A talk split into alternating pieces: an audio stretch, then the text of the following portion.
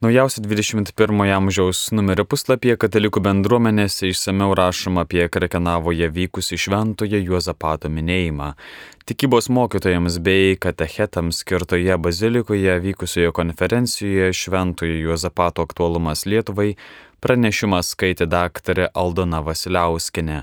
Paskui šventasias mišes pagal rytų apeigas aukojo tėvai bazilijonai - Mikolojus, Ruslanas Kozelkivskis ir Tadas. Volodimiras Godovanecas. Ukrainietiškai gėdamos giesmės, neįprasta kunigų apranga ir šventųjų mišių auka sulaukė gausaus tikinčiųjų dėmesio. Daugelis jų pirmas įk dalyvavo rytų apieigomis aukotose šventosiuose mišiuose. Bazilikos rektorius kunigas Gediminas Jonkūnas padėjo viską suprasti. Kunigas Mikolojus kalbėjo apie šventų Jozapato svarbą, maldos į jį galę, prašydamas tikinčiųjų melisti šventojo užtarimo, greitesnės taikos Ukrainai. Krekenavos atlaiduose vieninteliuose iš Lietuvoje vykusių atlaidų, kuriuose šiais Lietuvos Seimo paskelbtais šventojo Jozapato metais buvo pagerbtas šis šventasis. Beje, šiomis dienomis Vilniuje lankosi Ukrainos rytų apieigų Kyjivo ir Haličio didysis arkivyskupas Svietoslavas Ševčiukas.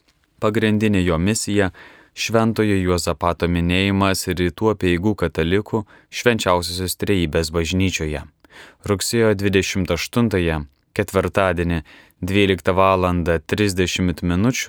ant šios bažnyčios, esančios aušros varto gatvėje 7b fasado, bus atidengtas Šventojo Juozapato bareljefas. Jį pašventins arkivyskupas Svietoslavas Ševčiukas.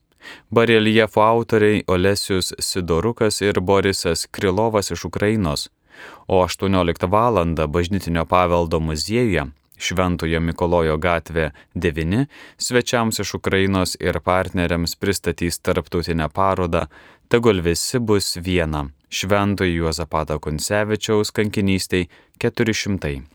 Priede abipus Nemuno spausdinamame rašinyje medinės architektūros perlas, nustebinės ypatingais atradimais, Teigiama, kad Raseinių rajone esanti Butkiškės Šventojo Jono Krikštitojo bažnyčia turi ilgametę istoriją, kuris siekia net XVI amžių.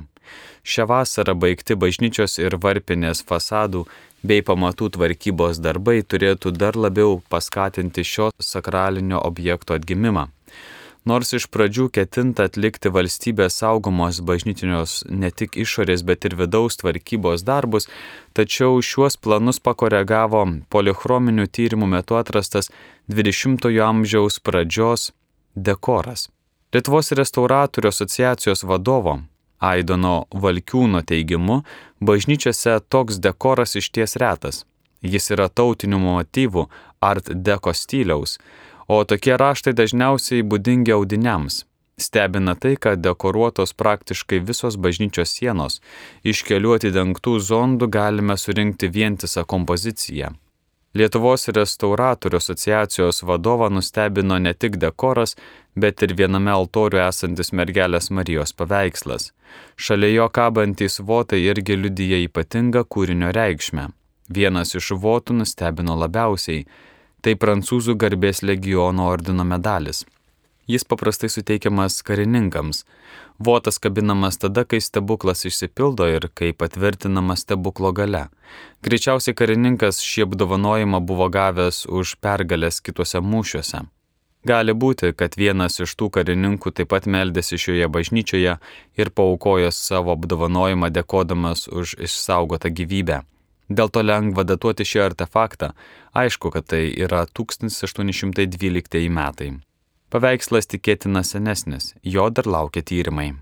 Birutė Nenenienė rašo apie tai, kad Alvito Šventojo Kazimiero parapijos vaikų globos namai jau nuo 1996 metų draugauja su viena Vokietijoje Anstrupė gyvenančia šeima. Margareta ir Alfonsas Hopingai daug kartų rinko labdarą savo šalyje, Olandijoje ir Austrijoje vežė ją į Elvitą. Ta daryti juos paskatino skaudinę laimę - Dauno sindromą turėjusio devyniarių metų sunaus mirtis. O Liepos mėnesį ši šeima vėl lankėsi Elvite, kadangi jie minėjo santokos 50-metį. Klebonas kunigas Vytautas Kajokas juos palaimino Rūpjūčio pabaigoje grupė alvitiečių lankėsi Vokietijoje, kur šis jubiliejus paminėtas Visbeko bažnyčioje. Kuningas pamokslė daug kartų minėjo Alvitą. Priede Kristus ir pasaulis aprašoma neseniai popiežiaus pranciškus aplankyta Mongolija. Pagal 2020 m. surašymo duomenis maždaug pusė iš 3,4 milijonų mongolų 51,1 procentas yra budistai, o 40 procentų neišpažįsta jokio tikėjimo. Krikščionis Mongolijoje sudaro tik 1,3 procento gyventojų. Tai daugiausia pastaruoju metu išaugusios įvairios protestantų bendruomenės. Gausiausia jų bendruomenė pastarųjų dienų šventųjų Jėzaus Kristaus bažnyčia - mormonai. Mongolija jau turi beveik 15 tūkstančių narių. Dešimt kartų daugiau negu katalikai, kurių yra vos 1450. Pagal mormonų gausą proporcingai gyventojų skaičiui Mongolija dabar tapo pirmaujanti Azijoje. Apžvalgą parengė laikraščio 21 amžius redakcija.